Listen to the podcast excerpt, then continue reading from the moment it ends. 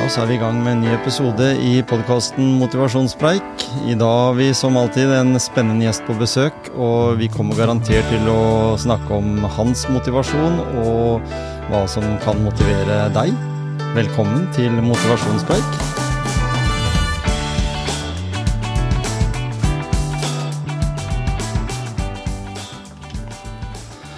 Ja, og det eh, vi skal snakke om i dag, det er eh, blant annet en ambassadørrolle. Litt med livsstilsendring, og selvsagt skal vi bli bedre kjent med deg, Joakim Lunde. Velkommen til Motivasjonspreik. Jo, takk for det. Takk for det. Det var hyggelig at du hadde tid, sikkert med støle bein, eller har det gått greit? Etter eh, Jeg leste det var noen kramper og litt forskjellig. Ja, nå, du tenker på I Bergen? Ja, nei, ja, nei, det er bedre nå. Eh, Jeg har hatt eh, to korte turer eh, i etterkant av det, da. Mm. Så jeg hadde seinest en i går, da. Vi kaller det restitusjon. Ja jeg, vil, Eller? ja, jeg vil kalle det det. Ja. på en måte. Samtidig så er det jo litt sånn for å opprettholde og holde beina i gang, da. Mm. Vi kjenner jo hverandre litt fra fotball. Ja, Det var der vi i hvert fall traff hverandre første gangen. Du har til og med spilt i rosa drakt. det har jeg. Jeg så et lagbilde, der var du. Ja, det, jeg var men- jo med ned til Kristiansand. Ja, Ja. stemmer det. Eh, men fortell litt om Joakim, da. Hvor er du vokst opp? Eh, vokste opp i Porsgrunn, eh, nærmere sagt Strisklev. Strisklev, ja. Mm. Eh, og så bor jeg på Eidanger i dag, da. Ja. Så jeg er tobarnspappa, samboer. Lever det glade familielivet, Ja. alle andre. Så bra. Eh, du, da, hvis du vokste opp på Stridsklev, da ja, vokser du liksom opp og gikk inn på skole og sånt nå. Hva har du av utdanning? Uh, egentlig uh, ingenting. Nei, livets skole? Ja Eller? eh, altså jeg har jo Jeg gikk jo grunnkurs mekanisk og VK1 uh, elektromekanisk for å bli industrimekaniker, da. Mm. Eh, og så sleit jeg tidlig, eller i ung alder, med ryggen. Ja. Så jeg måtte avbryte, og så endte jeg opp i salgsbransjen. Mm.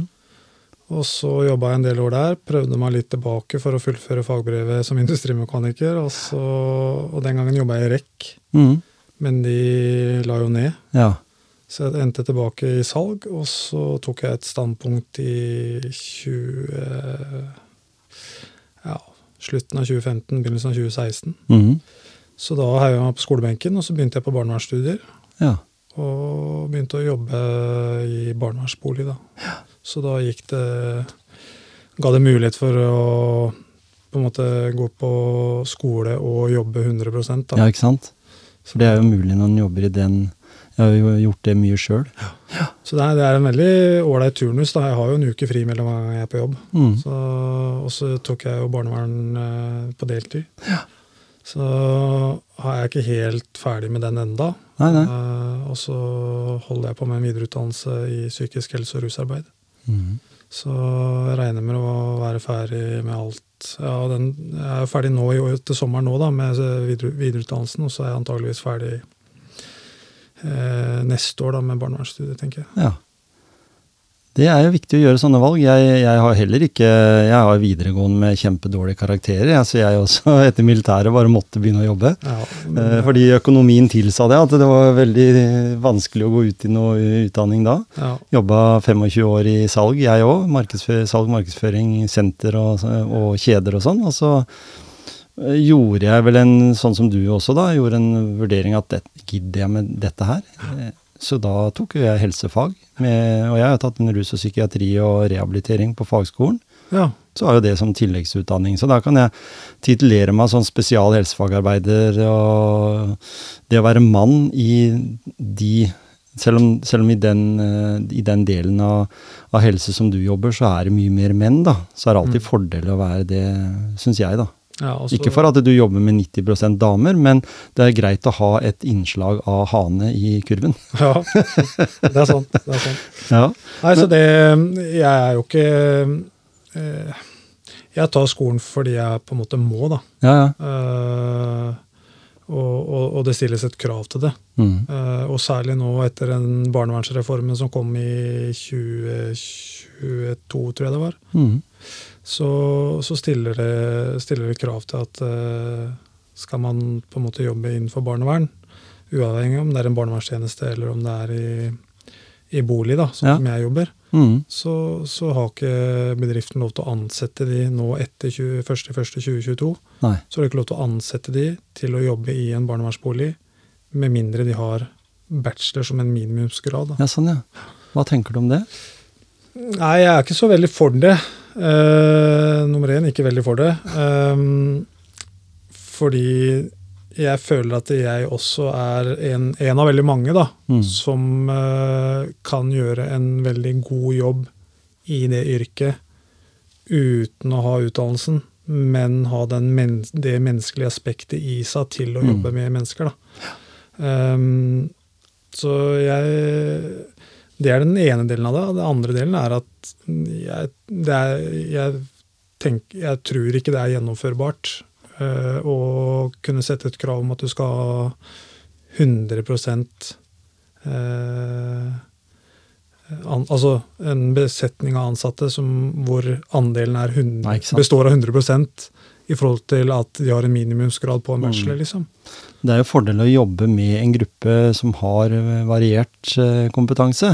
Helt enig. Eh, og da kan jo både assistenter og, og, og en, altså en mellom, mellomyrke her, da. Altså sånn eh, ikke type bachelorgrad. Fordi jeg tenker at bachelor er bra å ha mange som, som har høy utdanning, men allikevel så klart du har mer livserfaring enn en person som er nyutdannet på 23. Så hvis en tenker da verdien av det, å være på et sånt sted, det, det ser jo jeg helt klart og tydelig gjennom de åra jeg har jobba innen psykiatri nå. Mm. At du trenger voksne, erfarne, eh, trygge, rolige personer som på en måte har, eh, har litt sånn erfaringsbasert kunnskap da, som de kan Mm. bruke og dele med. Praks, veldig praktisk. Du har jo gjennomført mye i livet sitt, ikke sant, ditt og, og sånn. Så, så du fanger jo en, en ungdom eller eh, eh, noen barn på en annen måte enn en det, og så Mm. har barn sjøl også. Ja. Og så er det jo eh, Det er jo Nå skal jeg ikke ta det under, under en kam, men eh, det er jo øh, noen få utvalgte også som er veldig sånn rigide på øh, at de, ja, men de har utdannelsen. Mm. Og jeg, jeg opplever, har jo allerede opplevd det eh, som ansatt, hvor jeg har vært på team med en som eh, hadde bacheloren og holdt på med en mastergrad, eller var straks ferdig, eller hadde utført mastergraden nylig, um, og gikk fast på en bolig. Jeg kom inn, og så har jeg allerede på under en måned nesten et bedre forhold til den eh, ungdommen som, som jeg jobba på, da, enn den kollegaen jeg var på jobb med. Mm. eh, som kom til meg i etterkant og liksom eh, hadde reflektert over og sett liksom min relasjon som hadde blitt skapt på en måned, kontra Mm. hun som da hadde vært der en stund. da. Ikke sant? Så, så, så det er jo liksom ikke nødvendigvis det beste å ha den utdannelsen, men det er jo nå et krav eh, staten har satt. da, Så Ja. får vi se eh, hva som skjer. Eh, De har jo et mål for øye om at det skal være på plass innen 2020 Nei, enten 2025 eller 2030 Mm. eller et eller annet. Jeg skal ikke snakke så mye om noe jeg egentlig ikke har så veldig greie på, men det er interessant det du sier. Og hvis du tenker sånn som skolen, da, så har det jo blitt et krav til lærerne om å ha en viss form for eh, kompetanse og utdanning. eh, Mm. Et ekstra år, blant annet, og sånn, for å være lærer. Og den norske skolen har aldri vært dårligere enn den er nå. Så det sier jo ikke, ikke for å rakke ned på noe. Det er, ikke, det er, ikke, det er jo sånn at eh, ja, det, men det burde være en sånn 60-40, tenker jeg.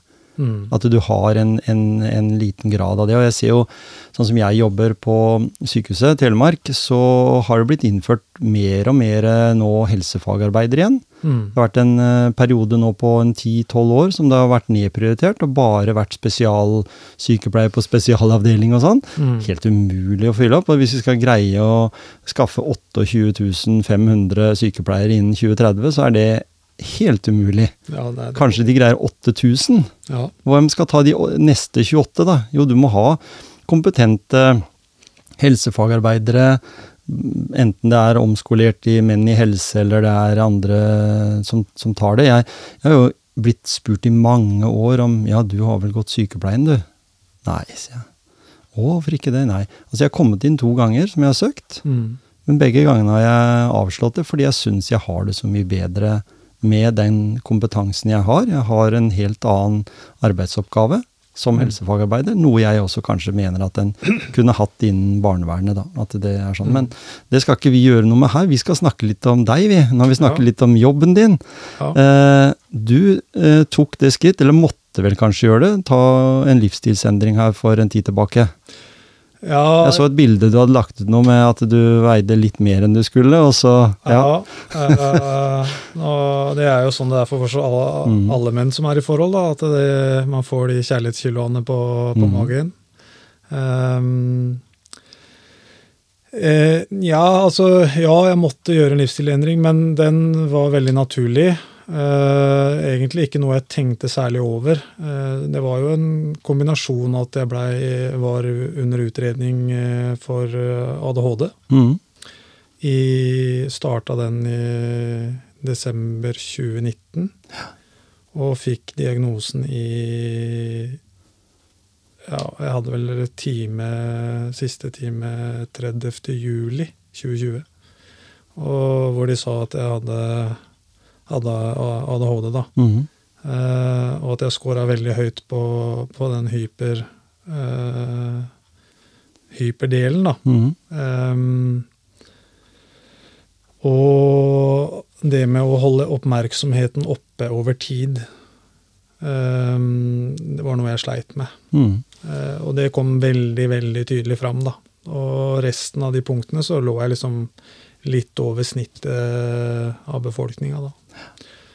Ehm, så var det jo en kombinasjon av liksom utprøving av medisiner og, og sånn som er med på å gjøre at man uh, mister litt matlyst, så de er veldig på å følge opp uh, Mm. vekt og litt sånne ting. Og at ikke du går for fort ned, og at uh, eh, det ikke får på en måte andre bivirkninger eller konsekvenser eh, i forhold til nedgangen av vekt. Da. Mm. Så fra 30. juli 2020 og fram til midten av desember, altså ca. 4,5 måneder, så gikk jeg jo ned nesten 23 kilo. Mm. Um, og så er liksom, når jeg endelig fant den medisinen som fungerte, da, for jeg prøvde jo først Først så må man prøve Ritalin. Ja. Eh, og den legen som fulgte meg opp, sa at det, det er den billigste, så det må Du må prøve den først. Ja. Mm. Eh, og det er egentlig en litt sånn artig historie, fordi det gjenspeiler jo liksom den ADHD-en, da. Um, at skal liksom gå syv dager på eh, da 20 milligram da, mm. eh, Ritalin. Og så skal, kan du øke til 40, og så kan du gå syv dager på den. Så må du innom og ta en blodprøve, eh, nei, et blodtrykk. Og så er det avgjørende om du kan øke til 60, da. Mm. Og så gikk jeg fem dager på 20, og så økte jeg til 40. Og så gikk jeg tre dager eh, på 40. Og så økte jeg til 60, mm. og så ringte jeg til hun legen og så sa jeg at nei, det, det her, den Ritalinen den funker ikke. Eh, Jeg får bare bivirkninger. Så, og det, det skjedde daglig. Altså uavhengig av dosen som jeg tok, da. Mhm. Eh, så følte jeg ingen virkning. Eh, samtidig så en halvtime, tre kvarter etter inntak, så, så fikk jeg sånn intens hodepine. Eh, magekramper, akkurat som hele magesekken bare Altså det ga sånn skikkelig magesmerte, da. Mhm.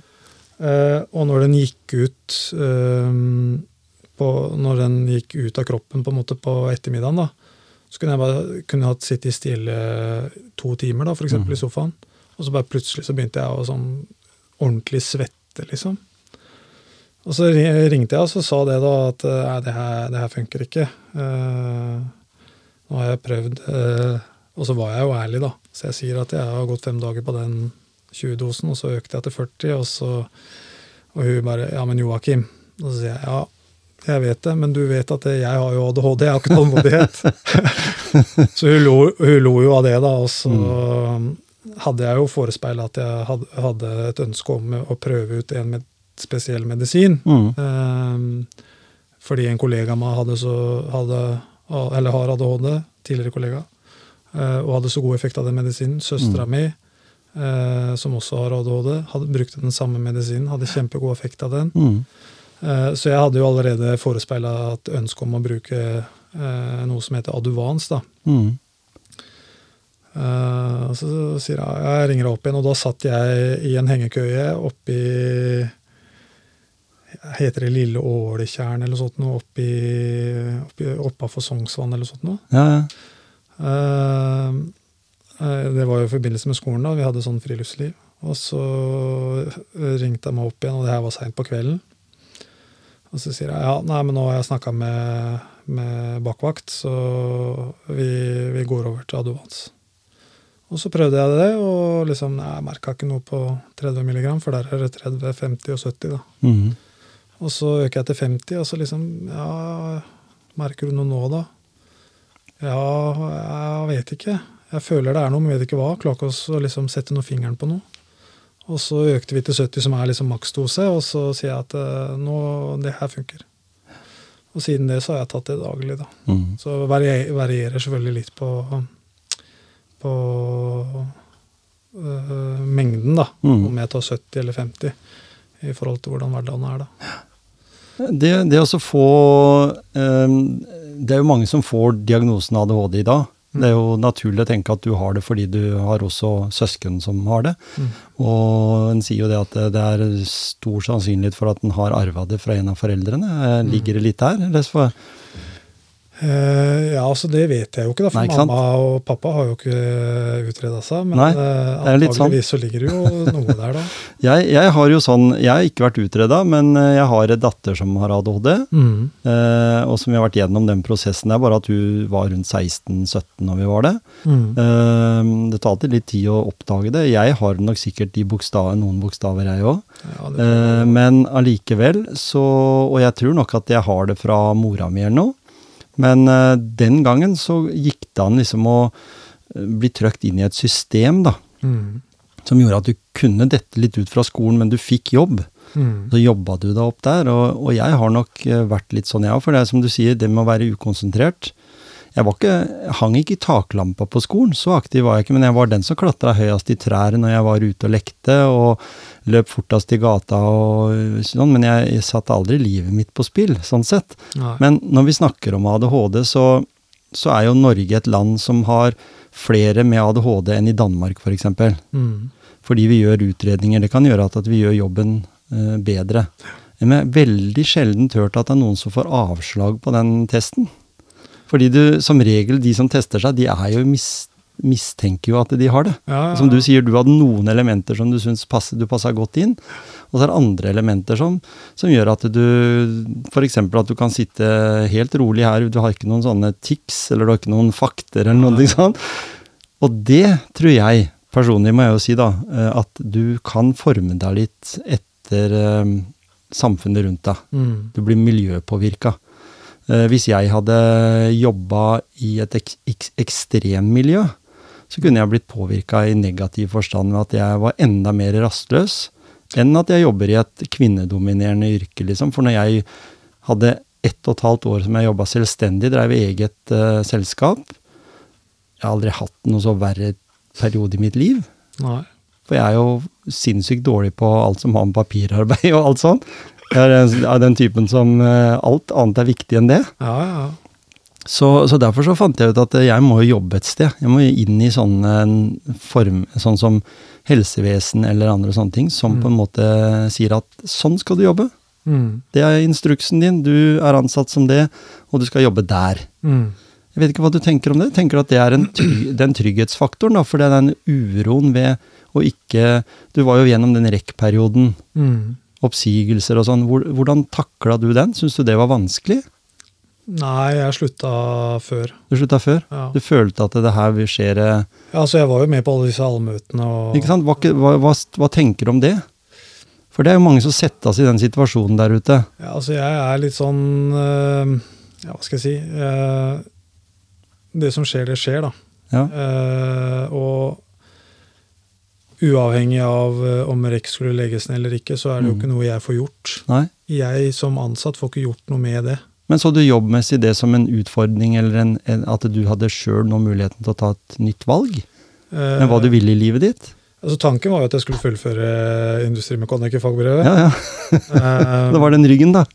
Jo, men det var jo når jeg var lærling, da, og Ja, 18 år, og så jobba jeg på REC. Det er jo da en del år etter det igjen, da. Mm. Eh, og og var, hadde blitt bedre i ryggen. Mm. Eh, så, og det var liksom på en måte kanskje også den korteste veien for meg til å få et papir på at eh, jeg har noe fullført skole, på en måte, da. Mm. Um, eller skolen, skolen i og for seg har jeg fullført, men jeg har ikke fått fullført uh, den arbeidsperioden og fagprøva, da. Eh, men så kunne jeg jo ikke det, da. Eh, og, og for meg eh, så jeg, Altså, jeg er litt sånn Ting skjer for en grunn. Mm. eh, og ting jeg på en måte ikke kan styre, det går ikke sånn veldig inn på meg. Eh, f- det, det er ikke noe jeg får gjort noe med. Så du, er, du er ikke en problemfokusert person? Nei, jeg er heller mer løsningsorientert ja, i de situasjonene. Så, så for meg så er det Jeg kaller den ADHD-en min for min superkraft. da. Ja. Eh, for jeg har, jeg har et eh, eh, et arbeids... altså en arbeidsevne som svært få mennesker har. Mm.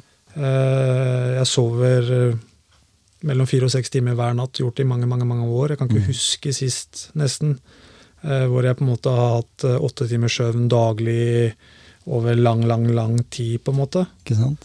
Eh, så Og det er den hyperdelen i meg, da. Mm. Eh, jeg sover ekstremt tungt Når du sover? når jeg sover. Og der har jeg egentlig en ganske eh, morsom historie, for jeg jobba på en bolig, voksenpsykiatribolig, i samme turnus da, Mm.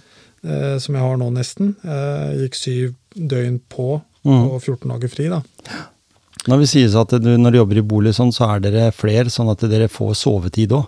Ja, du, altså, er ikke 24 timer, du er 24 timer på jobb, men ja, du får muligheten til å sove. ja, altså jeg bor på jobb, Ja, ikke sant? Uh, og så kom det en nattvakt som overtok uh, halv elleve, da. Ja. Uh, og så går meg og en som heter Ove, da, som var kollegaen min, vi Mm. går og legger oss.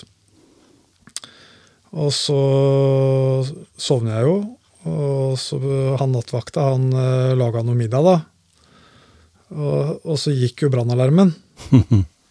Eh, og jeg hadde jo brannalarm inne på soverommet mitt. Mm. Så når den eh, brannalarmen nede på kjøkkenet gikk, så gikk, jo, gikk jo alle de oppe òg. Og plutselig så bare i et sånt lite øyelokk eh, så liksom kikker jeg så vidt det er, da. Og, og da står han ene og liksom strekker seg opp til taket for å liksom skru av den brannalarmen. Jeg hadde jo ikke hørt den. Og han andre han våkna jo, så han sto jo der i bare bokseren og sto der og rista på huet av meg. liksom, 'Hører du ikke den her?' Jeg bare 'nei da', og så la jeg måtte sove igjen. Så jeg sover jo ekstremt tungt. ja, ikke sant? Det er kanskje viktig å si at det da, når du sover, så sover du. Ja, Lett å sovne. ikke sant? Noen ligger jo våken lenge før de sovner. ja det gjør jeg. Ja, det gjør det? Ja, jeg ligger lenge. Ja. Uh, på en måte Du kan tenke deg når du jobber ettermiddagsvakt, da. Mm. Og så er det jo veldig mange som snakker om det her at når de kommer hjem fra en ettermiddagsvakt, så vil de liksom komme hjem og føle at de er hjemme, da. ja. Så de setter seg gjerne litt i stua, så kommer de jo ikke i seng før liksom sånn tolv, kvart over tolv. Den eh, roen som de på en måte søker etter fra de kommer hjem og fram til de går og legger seg, den prosessen føler jeg på en måte ikke starter i meg før jeg faktisk har lagt meg i senga. Nei. Så jeg har, også, jeg har på en måte den samme eh, greia med at jeg vil føle at jeg har kommet hjem. Eh, men den prosessen som de har når de sitter i sofaen, Mm. den har ikke jeg før jeg faktisk har gått og lagt meg. Nei. Og da går det liksom en time, og det behøver ikke å tenke bare negative ting. Eller, Nei, nei. Det kan være alt, masse positive ting, mm. gode ting, og, men jeg får ikke sove før røftlig en time, halvannen kanskje, etter jeg har lagt meg. Da. Sånn, ja. Så det, Ja. for det er alltid en sånn utfordring. Jeg sier jo når jeg jobber overganger, så jobber jeg jo liksom Da er jeg ferdig halv elleve på kvelden. Ja. Kommer meg ikke i seng før tolv. Det er som du sier, den der perioden der. Uh, slå på en film som du har sett halvparten av, og så ser du resten av den, og så går jeg og legger meg, og så skal jeg på jobb igjen klokka sju. Mm. Uh, da blir jo den de søvntimene der, de fem-seks timene som du får sove, da, de blir jo veldig viktige. Hvis Mm. ikke en skal gå og være trøtt på jobb. Men eh, når du først sovner, så går du kanskje ganske fort dypt ned i søvn, da. Men har du merka noe forskjell der på medisiner i forhold til før medisiner og, Nei, det er og etter? samme. Det er samme, ja. samme. Ikke sant? For det er mange som sliter med litt sånn insomnia eller søvnproblematikk når de går på medisiner. Ja, det er Mm. det. Så, og, så akkurat den bivirkningen. Nei, det har jeg ikke. Nei. Men jeg har jo vært inne på tanken da, om å snakke med legen om å prøve ut noe som kan hjelpe meg om å sovne litt fortere, kanskje. Mm. Um, Det er noen sånne, De sier jo det, de som har greie på det med søvn, de sier at det er én ting som er viktig, det er å ha faste tider å legge seg på. mm. Eh, Det er jo ikke så lett når en jobber litt sånn, da, som du gjør. Nei, nei. Eh, Men også det at en eh, finner elementer som beroliger kroppen. For eksempel så hadde veldig mange det når de var yngre, varm melk og honning. ikke sant? Sånn, det, det blei en sovemedisin fordi det kobla hjernen til at nå skal du snart sove. Ja. Og så kanskje det virker litt annerledes når en har en diagnose da, som gjør at den, kanskje hele den prosessen der blir utsatt Mm. til når du går og legger deg. Jeg har i hvert fall hørt at uh, istedenfor å ligge våken, så skal du heller bare stå opp. Helt riktig. Ikke bruke senga som en sånn uh, der du ligger og Og du skal heller ikke ha TV på soverommet, og du skal ikke ligge med mobilen. Men alt det vet du, du om. Ja, og all, alle de tingene her har jeg prøvd. Ikke sant? Har jeg prøvd, også Sånn som telefon. Ja. Eh, prøvd å ikke ha den på rommet. Mm. Eh, ikke, altså, ikke drikke kaffe. Mm. eh, spise sunt. eh, altså alle de tinga her har jeg liksom prøvd hver for seg og Ja. samtidig, og det har ingen betydning. Nei. Altså Det skal ekstremt mye til før jeg på en måte kan legge huet på puta og sovne. Mm. Det skjer innimellom, men da har jeg kanskje gått eh, i et halvt år, da. Ja. Eh, eller tre måneder, eller et år, altså. eh, hvor ting har gått litt sånn på høyre hele tida. Mm. Eh, og så Og så tar jeg, kan jeg bare legge huet på puta, og så sovner jeg jo. Men det er sånn, når jeg har gjort det, da, Mm. så føles det ut som at jeg er restituert for tre nye måneder eller seks nye Ikke måneder. Ikke sant? Ja. Så, sånn som i går, så jeg, måtte jeg ta en løpetur på kvelden. Ehm, så i natt så sovna jeg kanskje rundt ja, sånn rundt tre, da. ja. Uh, og så våkna jeg av samboeren, da, som sto opp eh, ti på seks. Så det har ikke vært mange timer i søvn. Nei. Men jeg føler meg jo ikke trøtt eller sliten eller noe eh, Jeg er ikke i nærheten av å være noe der. på Nei, ikke sant? Så det- Nei, men du, vi er ulikt skrudd sammen. Så for meg så er ADHD-en min er, For meg så er det en superkraft. Ja. Uh, og så er jeg på en måte så heldig som har fått diagnosen og kan medisinere meg, da. Mm. Sånn at eh, Og det er litt viktig å ta med, da, eh, i forhold til de som har eh, Som ikke har ADHD, som kanskje ikke vet helt hvordan det funker, da. Fordi det er veldig mange som tenker liksom at når du er på høygir og du er aktiv og Men når du tar medisiner, så skal du jo bli rolig. Mm. Eh, ja, men det betyr jo ikke at det er på en måte det ytre mitt eh, Det er jo rolig så å si hele tida. Mm. Det er jo mange som kjenner meg som kanskje hadde liksom Her har du ADHD.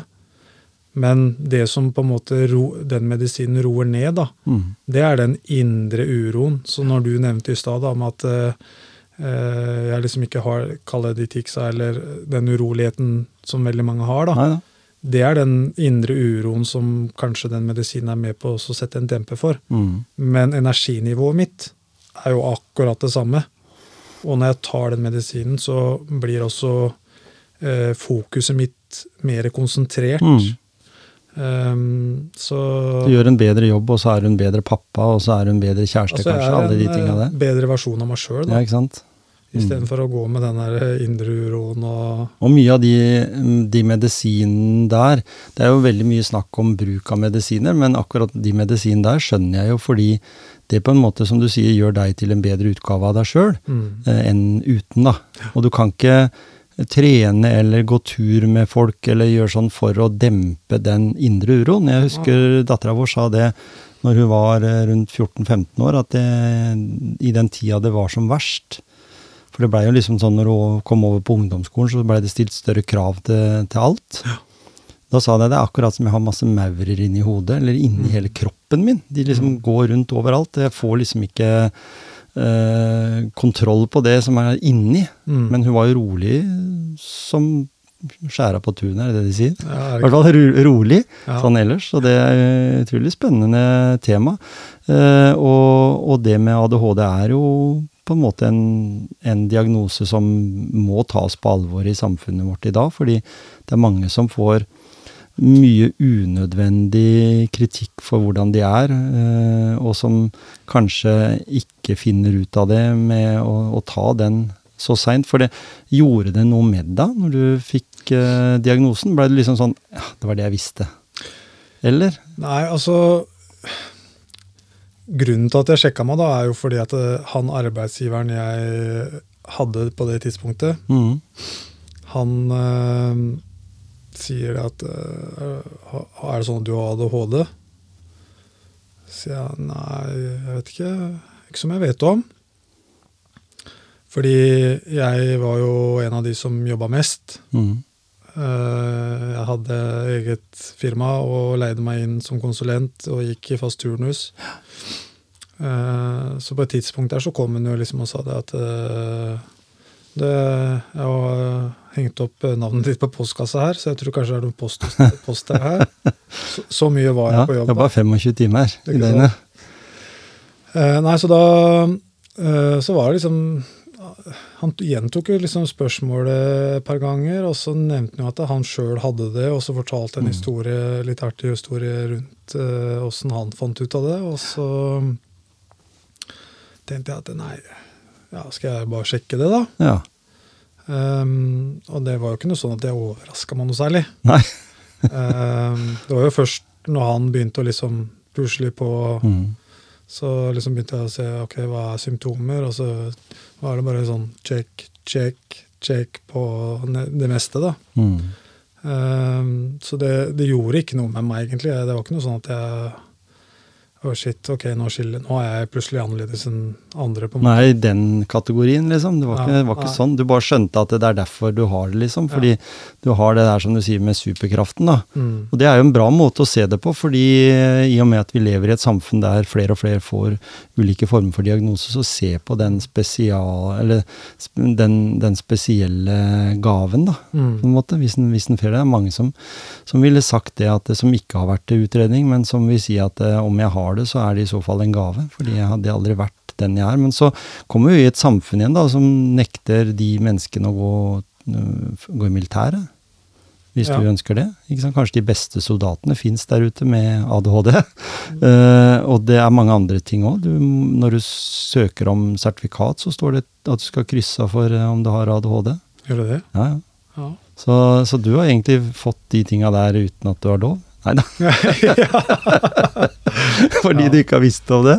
Nei, men det er litt sånn Ja, ja. at det er enkelte, enkle ting som en bør tenke på at eh, For ADHD, det er jo sånn. Det er jo Mm. veldig bredt. Veldig. Det er ikke sånn som den snakka om på, på 80-90-tallet, at det var noen få. Det er, han, det er de derre ungene som har de håpløse foreldrene, det som har de derre hyperaktive ungene. Og de som, de som blei på en måte havna på feil side, da, de havna og blei rusmisbrukere eller andre ting, fordi de måtte ha noe som, som døyva den indre uroen, da. Mm. Eh, og kanskje den yt ytre uroen også, for det var mange som hadde det. Så, og det viser jo at de eh, preparatene du får, er jo litt eh, Inneholder jo stoffer som på en måte skal lugne ned, men det er på lovlig vis, da. Ja. Mm. Eh, Det er jo mange Altså gjennom det jeg jobber med, da. Eh, Jeg har jo vært i akuttpsykiatri med sykehuset. Mm. Jeg har eh, en tilkallingsvikarstilling på, på Blå Kors. Mm. eh, både på avrusning og behandling. Um, og det er jo veldig mange som har ADHD og kanskje har brukt uh, stoffer for, sånn som du sier, da, Mm. Å selvmedisinere seg på et vis. da. Men så tar den selvmedisineringa over, altså tar, tar jo helt Mm. overkontroll, da, Mm. som gjør at du på en måte skaper mer heller en avhengighet. Ja. Og det er jo den som er, eh, som er eh, stygg når du på en måte eh, ikke gjør det på den lovlige veien, da. Mm. Eller at du har blitt fanga opp tidligere. Mm. Og ADHD er på en måte, det blei jo ikke ordentlig sånn utbredt før i begynnelsen av 2000 Nei. 2000-tallet. Ikke sant? Uh, som hadde egentlig i utgangspunktet vært den perfekte tida for meg å egentlig utrede meg. Mm. Um, Ja, for den, i den alderen du var i da. ja, Mm. Så, så sånn sett. Men uh, jeg er jo veldig glad for at uh, ting har vært som de har vært i mitt liv. Mm. I hvert fall sånn voksne liv, da. Eh, uten at jeg på en måte har hatt Uten at jeg visste at jeg har hatt den diagnosen. Mm. Eh, for det har jo på en måte gitt meg den erfaringa jeg har. Mm. Eh, og, og gjort meg til den jeg er i dag, da. Så, og det kunne jo vært annerledes hvis jeg hadde Både til det bedre, men kanskje også til det verre, da. Om jeg hadde fått diagnosen Mm. tidligere, ikke sant. Så Men, tenk, men tenker du da at hvis du som person da kan påvirke noen der ute til å ta noen avgjørelser i livet sitt, mm, eh, også i voksen alder. Eh, du ser ikke på det som noe problem, du vil anbefale det hvis du er eh, av den personen som er litt usikker på om en, Altså du vil ikke si nei, eller at det var negativt å teste ut eh, om du er 40 eller 50 år, liksom, eller du er 20, liksom. Alle bør gjøre det for å på en måte Og så har du, har du symptomer da, som, eh, som tilsier at du går i den retningen. Da. mm. Eh, så, så ja, hvorfor ikke? mm, Eh, kanskje det gir noen svar på ting du kanskje har stussa litt Mm. over, eller som du har vært misfornøyd med deg sjøl, eller eh, Nå har det på en måte ikke vært sånn at jeg har stussa over hvorfor jeg har tatt de valga jeg har tatt. Nei, nei. Eh, men Og heller ikke tenkt på det nå i ettertid, etter jeg har fått eh, Eller begynt på medisiner, da. Men eh, altså det kan jo være andre som eh, lurer litt på hvorfor er jeg som jeg er, på en måte. Ja. Så om du er uavhengig om du er 40 eller 50 eller 60 for den saks skyld, eller Mm. om du er 20 eller 13, det har ikke noen betydning. Altså, eh, hvis du føler at du har en indre uro da, som kanskje har skapt noen problemer Mm. på veien i livet, så eh, ja, hvorfor ikke? Det kan jo være, med, være at du uh, får bedre med deg sjøl, da. Mm. Um, og det, det gjorde det helt klart for meg Ja, ja. når jeg begynte på og fant den medisinen. da. Mm. Uh, så, så fungerte jo på en måte Jeg våkna litt opp, da. Fra, Ja, fra, fra en indre meg som uh, Som uh, gjorde at jeg så ting litt klarere. Mm.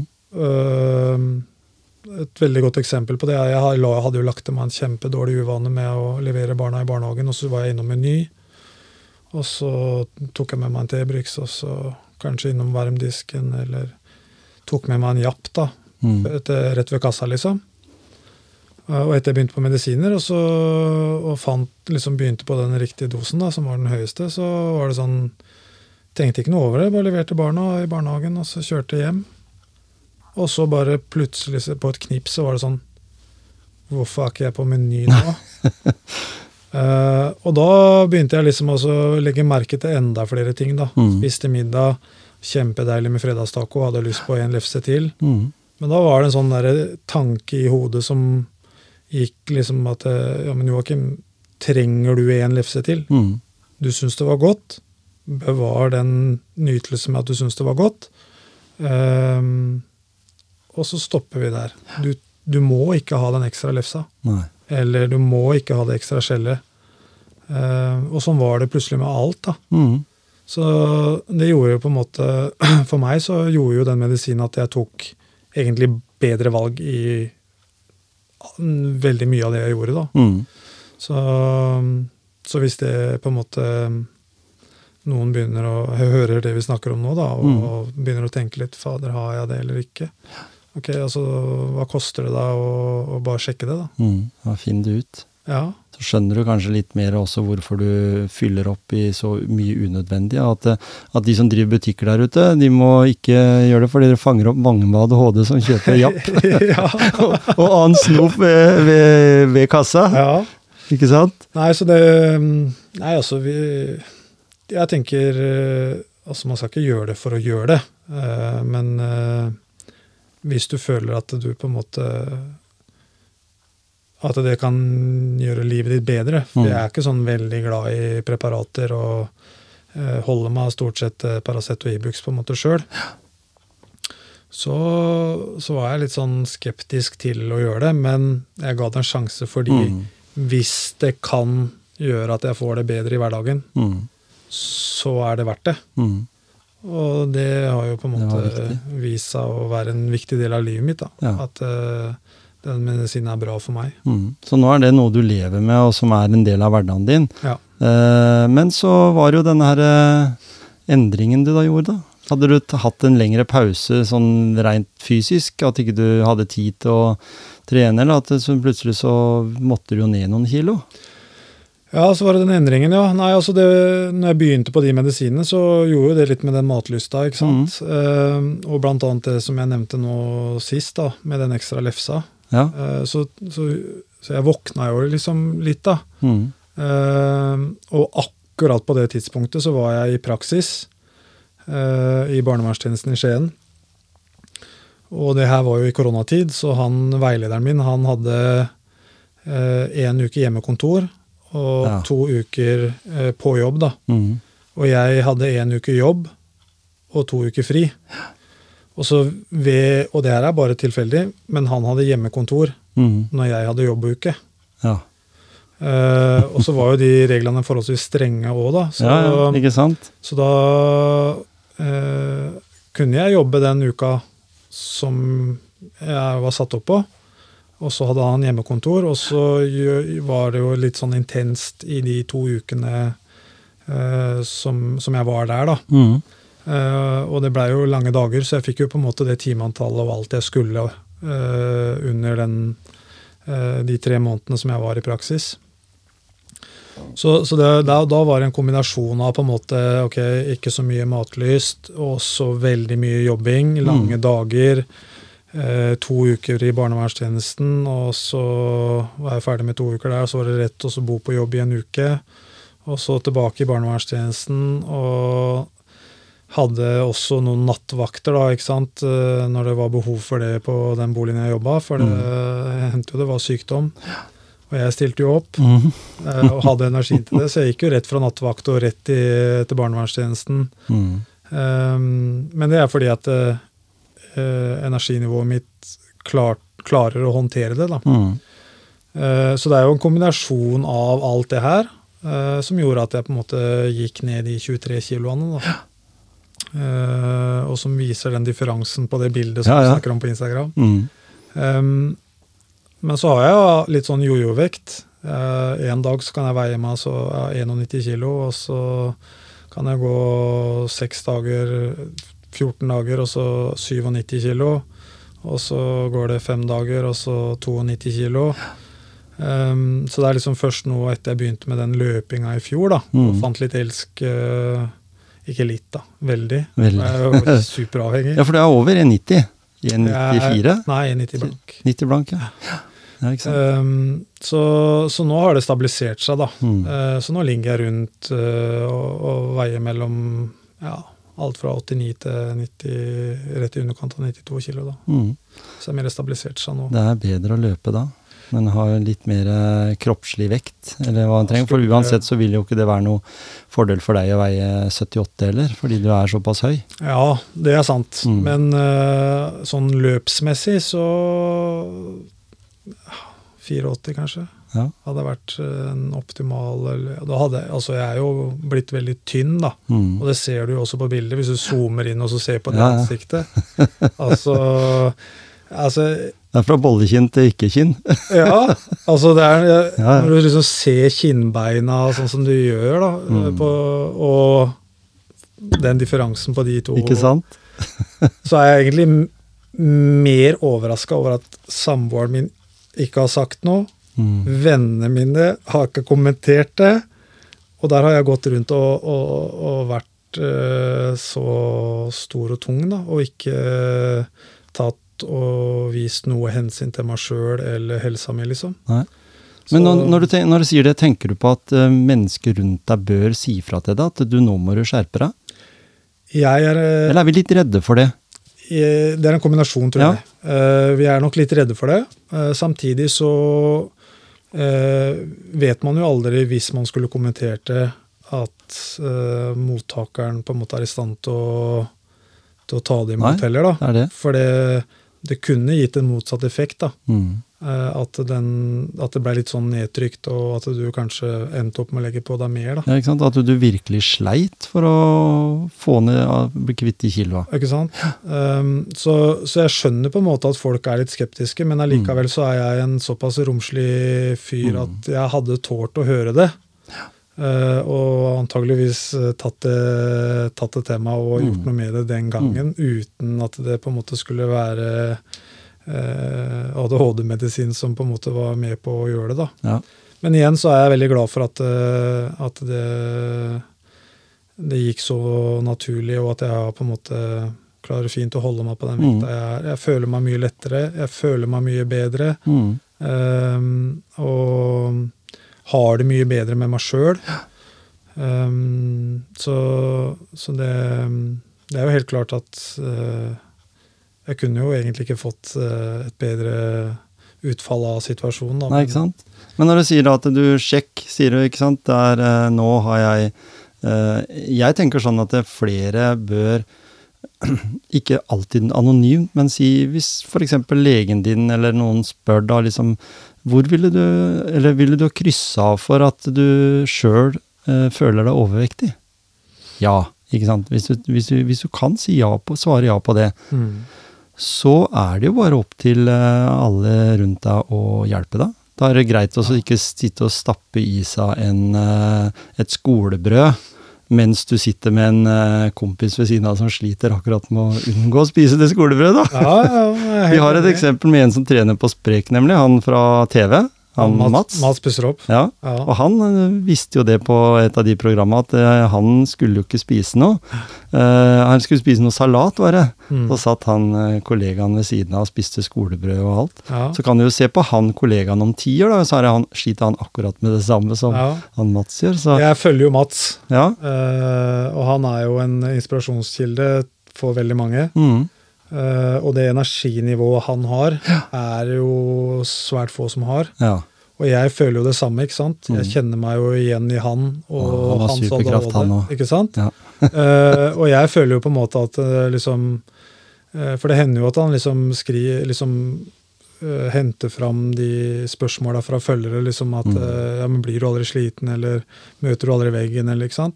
Og det, er jo, det her er jo den ADHD-en, ikke sant? Mm. Det er, det er et man har et hyperfokus, og man når man interesserer seg for noe, sånn som Mats, da, Mm. som har fått et eh, brennende engasjement eh, eh, for dette her med å pusse opp og vise det. Mm. Og du ser det på følgeskaren, altså han har bikka over 100 000 følgere nå. ja. Så, så ser man jo at, eh, at det, det hyperfokuset han har i sin ADHD, Mm. eh, det gir han en superkraft. ja. Eh, så, eh, så det er jo For han så er jo ADHD bra. Mm. For meg så er ADHD bra.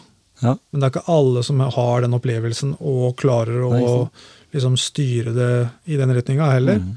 Og, og det er litt der som du Som jeg tenker det du sa i stad, at eh, man skal være litt forsiktig da, Mm. eh, overfor de som eh, har ADHD, og liksom være negative til det. Altså Mm. Det er mye bedre å få en med ADHD som har mye støtte og, og sånn i venner og familie, og egentlig folk kjenner, altså ukjente, da, folk Mm. på gata, rett og slett. At man, eh, at man er litt mer støttende til det. Fordi det er ikke bare bare å ha det Nei. for de som har det. Neida. Eh, Jeg er jo med i en sånn ADHD-gruppe, ADHD Norge eller noe sånt på Facebook. Og det er ganske mange der som, eh, som sliter med den diagnosen. Mm. Men, men det er jo litt sånn, tenker jeg, eh, burde vært et sånt eh, Altså, det å jobbe med personer med ADHD, finne ut om du har diagnose eller ikke, det å se signalene, eh, ville jo, hvis en hadde hatt en fore, et forebyggende helsevesen som tok det på alvor, Mm. så ville du kanskje unngått mange skjebner, da.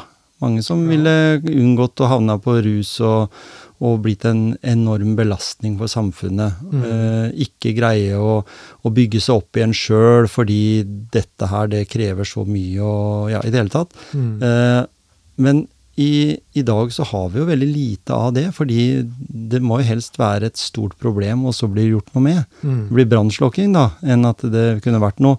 Er det, for det er sånn jeg tenker at ja, der kunne jeg tenkt meg å jobbe. Tenker du det sjøl? Hvis det, var, hvis det var sånn at du fikk jobbe med forebyggende for å unngå at mennesker havna Mm. i, den, i det der, alle de store spørsmålstegna Mm. de har i, inni seg, all den uroen de har inni seg. Hvorfor var ikke jeg vellykka på skolen? Jeg vil ta Mm. ett eksempel. Det er jo Jeg, jeg har ikke sett på Kompani Lauritzen før i den sesongen som kom i år. Så tenkte jeg det at eh, Og den var veldig bra.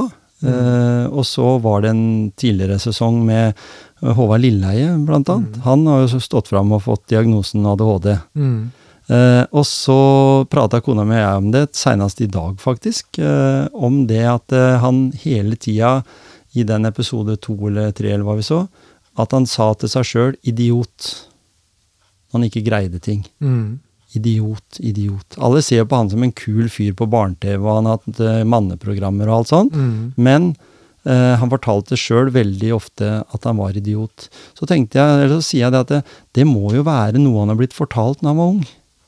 At han var alltid den der eh, idioten som ikke greide å sitte stille, eller han som satt bakerst i klasserommet som var et uromoment. Og Mm. jeg er jo vokst opp på den tida da det ikke var ekstra assistent i timene heller. Så da var det jo én lærer. Og de sliter jo med det ennå, Ikke jo sant? Men tror, men tror du at det kan ha litt med det? For det, det er jo mye som former oss som den vi er som barn, Mm. når vi blir voksen. Ja. Og nå er det jo mulig å gjøre noe med. Altså Han har jo jobba med det og, og tatt det på alvor, akkurat som deg. da, Så, så han på en måte håper virkelig at, eh, at Håvard ikke har mange av de der eh, idiotstemplene inni hodet sitt. og Han prøver å kvitte seg litt med de, for, Ja, å, for å få mer trygghet i egen hverdag. da. Absolutt. Mm. Altså, hvis jeg kunne jobba, jobba med forebyggende arbeid, så, så hadde jo det vært veldig interessant. Mm. Eh, Jeg har jo vurdert å skrive et foredrag. og, og reise rundt på ungdomsskoler og Mm. snakke om det. Mm. Eh, Men det hjelper ikke å snakke bare til barna om det. Nei. Eh, Så hvis jeg skulle gjort det, så ville jeg hatt en sånn del én, del to. Jeg ville på formiddagen eh, holdt foredrag for elevene. Mm. Eh, Og så ville jeg at skolen skulle hatt eh, kalt inn alle foreldrene Mm. på kvelden for å ha hatt et foreldremøte hvor jeg kunne på en måte presentert del to. Mm. Fordi Og lærerne. Ja, ja, de altså, er jo på en av de delene, da, men allikevel så lærer læreren også mye kompetanse som mangler der, Ja. i forhold til diagnoser og sånn. så, så hvis jeg skulle jobba forebyggende, så ville det vært at jeg på en måte hadde skrevet et, et foredrag. eh, Reist rundt på ungdomsskoler og snakka om det. Og så hatt eh, et samarbeid med skolen der de hadde ordna med et, eh, et foreldremøte på kvelden, hvor Mm. lærere og foreldre var til stede. Veldig lurt. Fordi jeg tror at eh, det er mye voksne som også sitter igjen med et sånt negativt stempel til de med Mm. ADHD, og nei, det har ikke dattera mi, eller nei, det har ikke sønnen sant. min. Men hvis de har det Mm. eh, så Det er litt sånn som du nevner med dattera di, da. Ja. Eh, 14 år og mever i hele kroppen. Mm. eh, Begynner på ungdomsskolen. eh, Alvorets time har kommet for eh, utvikling av kroppen. Mm. eh, Eh, Læring. Mm. Um, og så eh, får man eh, diagnosen i, som 16-åring og er Mm. ferdig på ungdomsskolen. Eh, så, så er det nå foreldre da, som på en måte er veldig sånn imot det. Men så tenker jeg at hvis de har det, da, Mm. og man ikke er imot det, og heller jobber for at Men du har en superkraft ingen andre har. Mm. S- Bruk den til det, til det den har vært. Mm. Um, og et eksempel her er jo uh, Jeg jobber også litt på Tveten barneskole. Um, og så var vi ute i friminutt. Vi var en elev som uh, Som jeg måtte på en måte trekke til side, da. Og så setter jeg meg ned, og så prater jeg med han, og så sier jeg liksom Ja, åssen går, går det med da? Det går bra. Ja, men det så ikke ut som det gikk så veldig bra når vi var ute nå. Det er jo derfor øh, vi er her. Ja. Og så åpna seg litt og fortalte at ja, tenk om jeg har ADHD, da. Mm. Så sier jeg at øh, tusen takk for at du åpner deg for meg. Men øh, det er veldig fint at du sier at ja, hva, hvis, hva hvis du har det? Det gjør, ikke deg til å være noen andre fordi at du har det. Jeg har ADHD sjøl. Mm. Så nå havna jeg en god, der havna jo jeg i en god posisjon Mm. hos, eh, hos en elev da, som, eh, som jeg faktisk kunne bruke min- Egen erfaring. egen erfaring da. Og da sier jeg til henne at eh, liksom, Ja, hva så om du har det? Mm.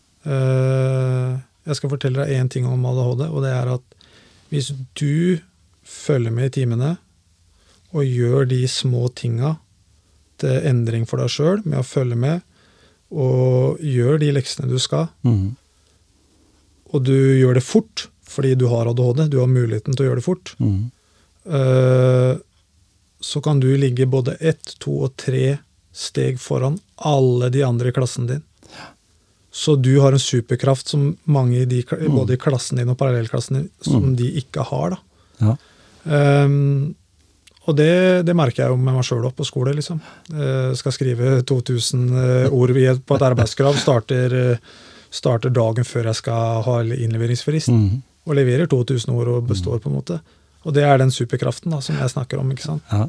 Så um, Nei, jeg Jeg kjenner det så godt igjen. Jeg også er sånn som sitter og leser meg opp på et foredrag jeg skal holde eh, Ja. kvelden før. Ja, ikke sant? Istedenfor at jeg kunne gjort det 14 dager før. Men da eh, Jeg har funnet ut av det at de gangene jeg gjør det, fordi jeg sier at det forventes av meg, at du må forberede deg At det er lengden på hvor langt, lenge du har forberedt deg, som gjør uh, kvaliteten på foredraget. Ja, Så tenker jeg at da ønsker jeg jo å endre på det hele tida. Og da gjør det bare til dårligere. ja, Istedenfor at det bare er bra, for det bare er bare sånn. ja. Og det er det jeg presenterer. Jeg bare leser meg opp litt, bare sånn så liksom for, å, for å skjønne det lite grann. Og, Ja. og veldig fint det du sier der i forhold til For jeg husker så godt med dattera vår at uh, hun har ingenting positivt å si om skolen, altså barne- og ungdomsskolen. Men på videregående det var liksom som en sjokkopplevelse. Der plutselig fant hun eh, lærere og andre som skjønte hennes problem. da. Men i Ikke barne- problem, Nei, utfordring. utfordring. Ja, Eh, fordi eh, de, hun da var jo i gang med utprøving, ikke sant. Og, så, og, sånn, og hun fikk ingen forståelse for det i skolen. De var mye knytta opp mot familieklinikken. De var kjempeflinke. Men vi hadde jo også med noen lærere fra ungdomsskolen, og de klødde seg i huet og sa at hadde jeg visst uh, dette om ADHD, så kunne jeg gjort mange andre ting annerledes. Mm. Og det, da snakker vi liksom bare om noen få år siden. Ja. Vi snakker om eh, lærere som har jobba med unge, unge som rådgivere på skole, ja. ungdomsskole, i 20 år, som ikke har eh, berørt tema diagnoser i det hele tatt i sin eh, Altså, vi har jo bare om, eh, om fag. Ja, ikke sant? Eh, og et annet problem som har vært i skolen, og vet jeg at Skien har vært veldig flinke, Porsgrunn har ikke vært så flinke, men begynner å bli bedre, Mm. det er å ha miljøterapeuter i skolen. Ja. Fordi sånn som det har vært, i hvert fall under min oppvekst, da, er jo, og både også i mitt voksne liv, eh, det er jo at det, helsesøster på skolen Mm. har jo ikke bare hatt rollen som helsesøster, Nei, men også rollen som miljøterapeut. ikke sant? Eh, og det er ganske, to ganske forskjellige roller å ha, Mm. da.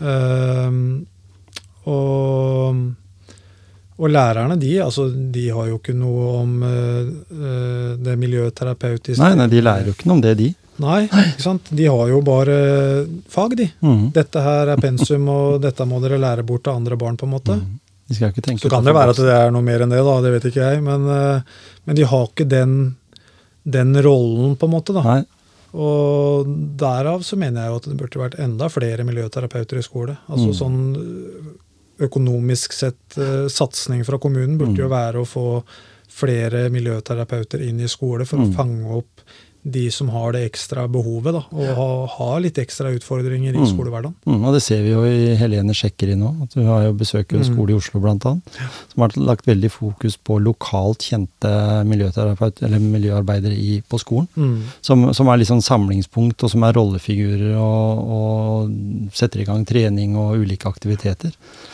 Men la oss snakke litt mot slutten om uh, treninga di, da. Ja. Du, du uh, motiverer mange gjennom ditt treningsarbeid. Du er tidlig oppe om morgenen. Uh, du trener på senter, men du løper også. Eh, kan du si kort om hva som på en måte er din ja, li, liten sånn liten veiledning om hvorfor akkurat løping? Nei, altså Nå Før vi Det er ikke gitt at du er fotballspiller, liksom, så, er løp, så er jeg sier jeg jeg kan ikke løpe for jeg har så vonde knær. liksom. Ja, Inne på den unnskyldninga der hele tida. Nei, altså Jeg eh, har jo spilt fotball uh, siden barndommen. Mm. Uh, hadde en periode i livet hvor jeg kombinerte fotball og håndball. Ja. Uh, spilte jo både på aldersbestemt og Altså min egen alder, da. Mm. Aldersgruppe. Og de med, eh, som er ett eller to år eldre enn meg, da, i, når jeg spilte håndball i Uredd. Mm. Eh, Så jeg har på en måte drevet aktivt med idrett uh, siden jeg tidlig i barneskolen. Mm. Kanskje rett ja, når jeg starta på barneskolen. Um, og har jo på en måte gjennom håndball og fotball løpt store deler av livet. Ja, ja. Men da har jeg på en måte løpt fordi det er en del av idretten. Mm. Um, og så har jeg jo ved siden av i mange år også prøvd å liksom ta meg en joggetur og liksom Kalle det lære, lære meg, sett sånn i godstein, lære meg det å like um, like å løpe. Mm. Uh, og så kom jo den koronatida. Uh, Fotballskoa sto i garasjen. Ja. Uh, ingen kunne gjøre noe. Eh, og det var nok her på en måte kiloene mine, de ekstra kiloene, da, Mm. kom Mm. den gangen. Um, og så Og så i fjor så tenkte jeg liksom nå Jeg har ikke spilt fotball på lange tider. Uh, jeg har ikke trent noe. Eh, hadde en kort periode på crossfiten, eh, Grønland CrossFit, Mm. eh, og så var det over. Og støttemedlem, er det fortsatt. um, men så var det et eller annet som skjedde i fjor, jeg vet ikke hva.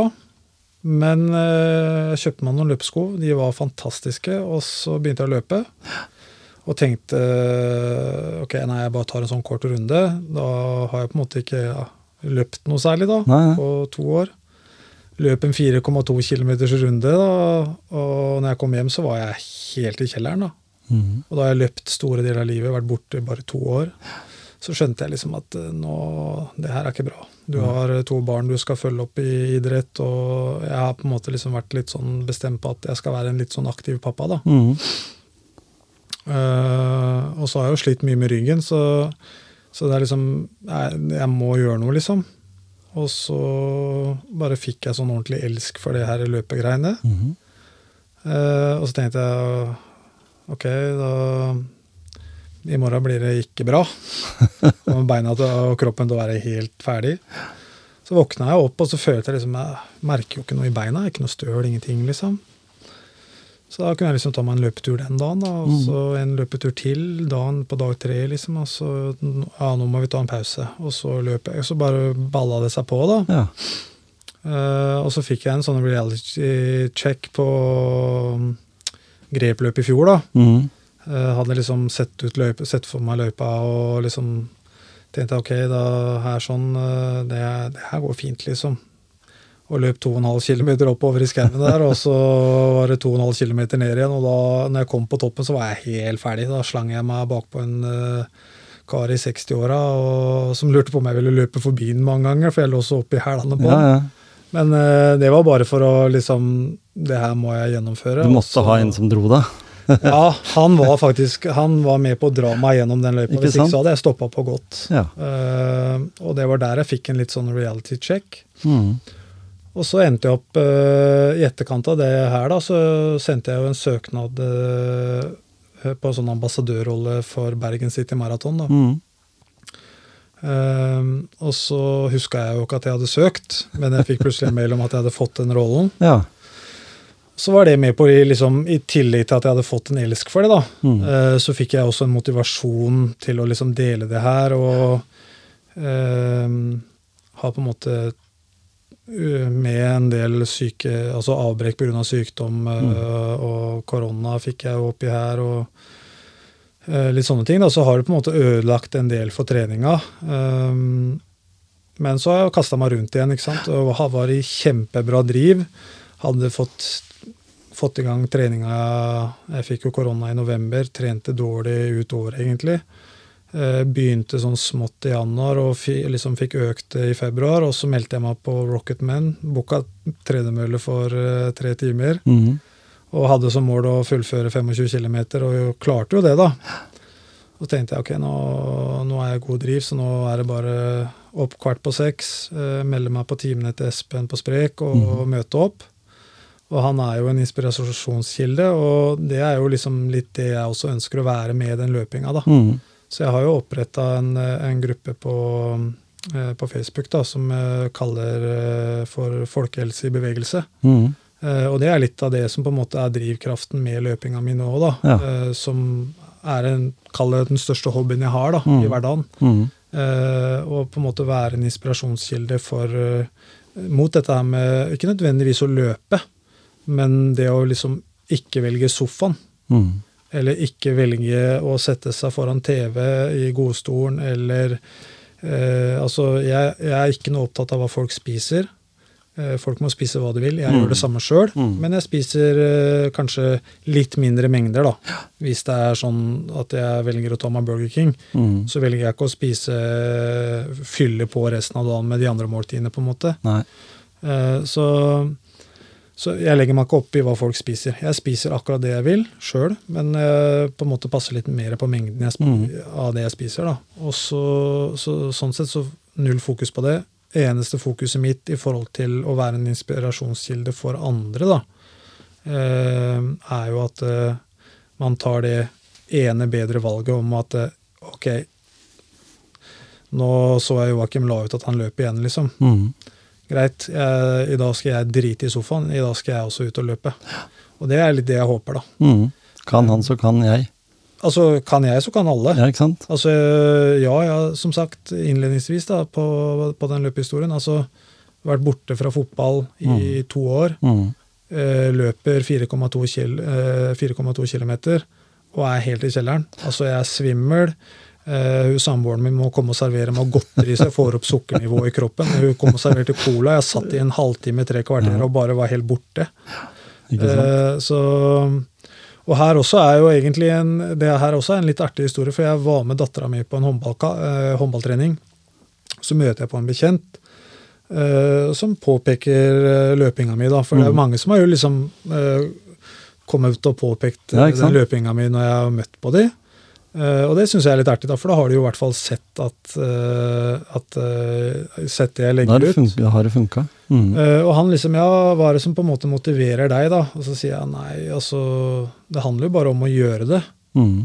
Ja, nei, jeg hadde ikke orka å løpe mer enn 20 meter. Så sier jeg nei, men da, da kan jo motivasjonen være da, at hvis du nå tenker ett år fram i tid, mm. og du ikke orker å løpe mer enn 20 meter nå, om ett år så kan det jo være at ikke du orker å løpe mer enn 10. Så da burde, hvis du klarer å reflektere over det, da, så burde det være motivasjon mm. til å faktisk ta litt tak. da. Ikke sant? Fordi jeg tror det er ganske mange mennesker som øh, mener nei, jeg har ikke tid, eller det er for travelt i hverdagen. Og, Mm. ikke sant? og så for meg, da øh, Nå er det her min oppriktige mening, og så skal jeg ikke omtale det i forhold til andre, men jeg skal, kan omtale det i forhold til meg sjøl. da Mm. så er det liksom sånn For meg så er det en dårlig unnskyldning for meg sjøl å si at nei, da orker jeg ikke. Uh, for jeg vet jo at det er kanskje et slit å ta på seg de klærne. Mm. Det er et slit å knyte de skoa. Mm. Og det er et helvete Unnskyld ordbruken, det var ikke meninga. Men eh, også ut, på, ut i løypa og ta den løpeturen. Mm. Eh, men det er for meg. Men jeg gjør det. Ja. Jeg tar det valget. Mm. Fordi jeg vet at det er et bedre valg for meg sjøl. og, det er- og da litt tilbake til den der gruppa da, med folkehelse i bevegelse, er jo liksom uh, oppretta med en bakgrunn for at det skal være en lavterskel. Og kun handle om å komme seg opp av sofaen. Mm. Eh, så kom, møte opp. Om du velger å gå fem kilometer, eller om du har lyst til å krabbe de, eller om du har lyst til å løpe, spurte, Mm. gjøre hva du vil. da.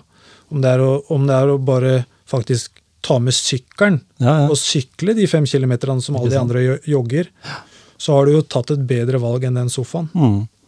Ikke sant? Så, så det handler egentlig bare om å Fordi det er så mange faktorer eh, med det. da. Mm. Altså Det er det sosiale. Eh, frisk luft. Uavhengig, altså Jeg skjønner at det er kjipt når det er kaldt. Jeg òg syns det er kjipt. Mm. Derfor velger jeg treningsstudio Ja, på, på vinteren. Mm. Eh, men det er, en, det er jo da min løsning på, på det. Mm. Og så kan jeg ta en og annen løpetur. Eh, men allikevel, da. Du kommer deg opp og ut. Mm. Du får det sosiale, du får den friske lufta, og du får følelsen av at du har gjort noe bedre for deg sjøl i dag, da. Nemlig. Ikke sant? Så, så den eh, rollen som ambassadør igjen da, for Bergen City Marathon endte jo opp med at jeg måtte løpe eh, Eller jeg meldte meg på uh, halvmaratondistansen, da. Mm. Uh, og løper og føler meg egentlig ganske fin. og den, Det er jo en uh, berykta løype som, i forhold til at den er, det er en tung løype å løpe. Eh, så i hvert fall sammenligna med, med, med den i Drammen. for- Det er bare flat. ja, det er flat. Men, eh, men eh, Så jeg føler meg egentlig ganske fin ganske lenge i det løpet. Ja. Uh, har fått noen gode tips uh, av Hama-gel og når jeg bør ta de, og Mm.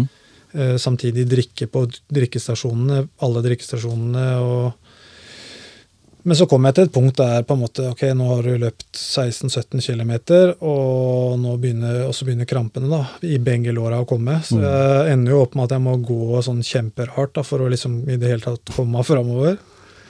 Og sånn eh, var det jo resten av løypa. Mm. Eh, men jeg hadde aldri noe motivasjon Altså, det var ikke noe med motiva Gjorde ikke noe med motivasjonen. Altså, Nei, du skulle i mål, du. jeg skulle i mål. Ikke sant? Um, uansett hvor vondt det var, uansett hvor uh, mye smerter jeg hadde, og uansett hvor uh, mye kramper jeg hadde. Mm. uh, de blei bare flere og flere. og fordelte seg litt utover forskjellige plasser i beina, både i Mhm. legger og alt som var. Men jeg kom meg i mål, og den mestringsfølelsen der, Mm. med å ha da de smertene og de krampene i fem kilometer, da, den var enorm, da. Så jeg eh, skal tilbake til Bergen neste år. Mm. Og så har jo den Du fikk en eh, ambassadørrolle til. Ja, og det, den fikk jeg jo egentlig nå i mars. Mm. Men så har jeg på en måte Jeg har fronta, eh, fronta de litt. eh, eh, mens jeg har hatt den andre rollen, men jeg har ikke vært veldig aktiv med det. da, Nei. Av at jeg har hatt den rollen for, eh, Bergen City Marathon. Eh, så det er liksom på en måte mer eller mindre først nå jeg har gått litt sånn offentlig ut med det. Eh, har fått sponsorklær fra Run Again, som er de jeg er ambassadør for. Mm. Og de bruker samme leverandør på klærne nå som det Bergen City Marathon gjør. Ja. eh, Fra et merke som heter Pressio, så det er fantastiske klær. Mm. Så jeg visste jo hva jeg fikk, på en måte, når, eh, når jeg skulle få de sponsorklærne. Mm. Um, men det er jo veldig artig, da, fordi på under et år da, så har jeg liksom hatt en ambassadørrolle for Bergen City Marathon, Mm. uh, som på en måte var kun inn mot selve løpet og arrangementet. Mm. Eh, Mens den eh, rollen jeg nå har fått eh, for Run Again, er jo mer eller mindre en sånn permanent avtale fram til enten jeg velger at, å gå ut av det, eller at de ikke ønsker at jeg skal være en del av det, da, fordi Mm. jeg kanskje ikke er like aktiv. eller ja. Ja. Um, og det som er så fint med Run Again, da, er jo at det er jo egentlig en plattform uh, som per nå, tror jeg, siste statussjekk var 3200 eller 3300 løp verden over, da, som du kan Mm. finne inn på den plattformen, på Ja. nettsida. Mm. Eh, Så i utgangspunktet så kan du legge inn kriterier da med ønska distanse, eh, hvor i verden du vil løpe? Eh, For å finne løp, da. Ja, ikke sant? Det Eh, og du kan finne de i kart. Mm. Uh, nå nylig så har de også lansert uh, gratis løpeprogram, så det er jo bare å, å registrere bruker, og så eh, kan man hente ut lastende treningsprogram da, og følge de. og det, vet du hva jeg tror? At nå har vi snakka om Joakim. Vi har snakka om din diagnose. diagnose. Mm. Blitt kjempebra. Eh, og noe av den treninga. Men jeg har veldig lyst til at du skal komme tilbake til motivasjonspreik. Og snakke om run again som en egen greie. For jeg ser på det her som elementer i den som vi kunne sitte i en time og prate om det. Fordi det Det er mange der ute som bør eh, bruke sånne verktøy eh, Mm. som en ekstra motivasjon. Ja. Er du enig? Helt enig. Ja. Så da sier jeg tusen takk for at du ble med i Motivasjonspreik, og så kobla vi på en eh, prat rundt det. Så eh, kan du hente opp de dataene du trenger, og så komme i full eh, bekledning, du. Ja, så, skal det kan vi, gjøre. så skal vi gå gjennom det, for jeg syns det er kjempeinteressant. Jeg har hatt, eh, hatt eh, Elin og med Sportsjenten og Løpeglad-appen og alt dette her, så det er, og det er faktisk mange som er nysgjerrig på det der ute. For det er noe du kan på en måte bli altså Treningssenter er én ting, og der kan du fysisk være til stede, du kan ut og løpe, men Mm. det å ha noe på PC-en eller på mobilen som du Mm. på en måte har en sånn motivasjonsgreie, da, den, den følger deg opp på en måte. Ja. Syns du er uenig? ja, jeg er helt enig. Kjempebra at du tok turen til motivasjonspreik. Takk for at jeg fikk komme. Kjære lytter, dere som nå da har fått innblikk i Joakim Lunde sitt eh, fantastiske liv, han med 25 timers eh, døgn og med egne superkrefter. Er det noen flere der ute som føler at de har disse superkreftene, så må de gjerne dele på sosiale medier på gruppa, eller gå inn på gruppa til eh, Joakim, og, og, eller sende personlig melding om det er noen Ja, ja, har lyst til å vite, fordi det er sikkert mange ubesvarte spørsmål der ute. Jeg følger opp. Mm. Tusen hjertelig. Takk.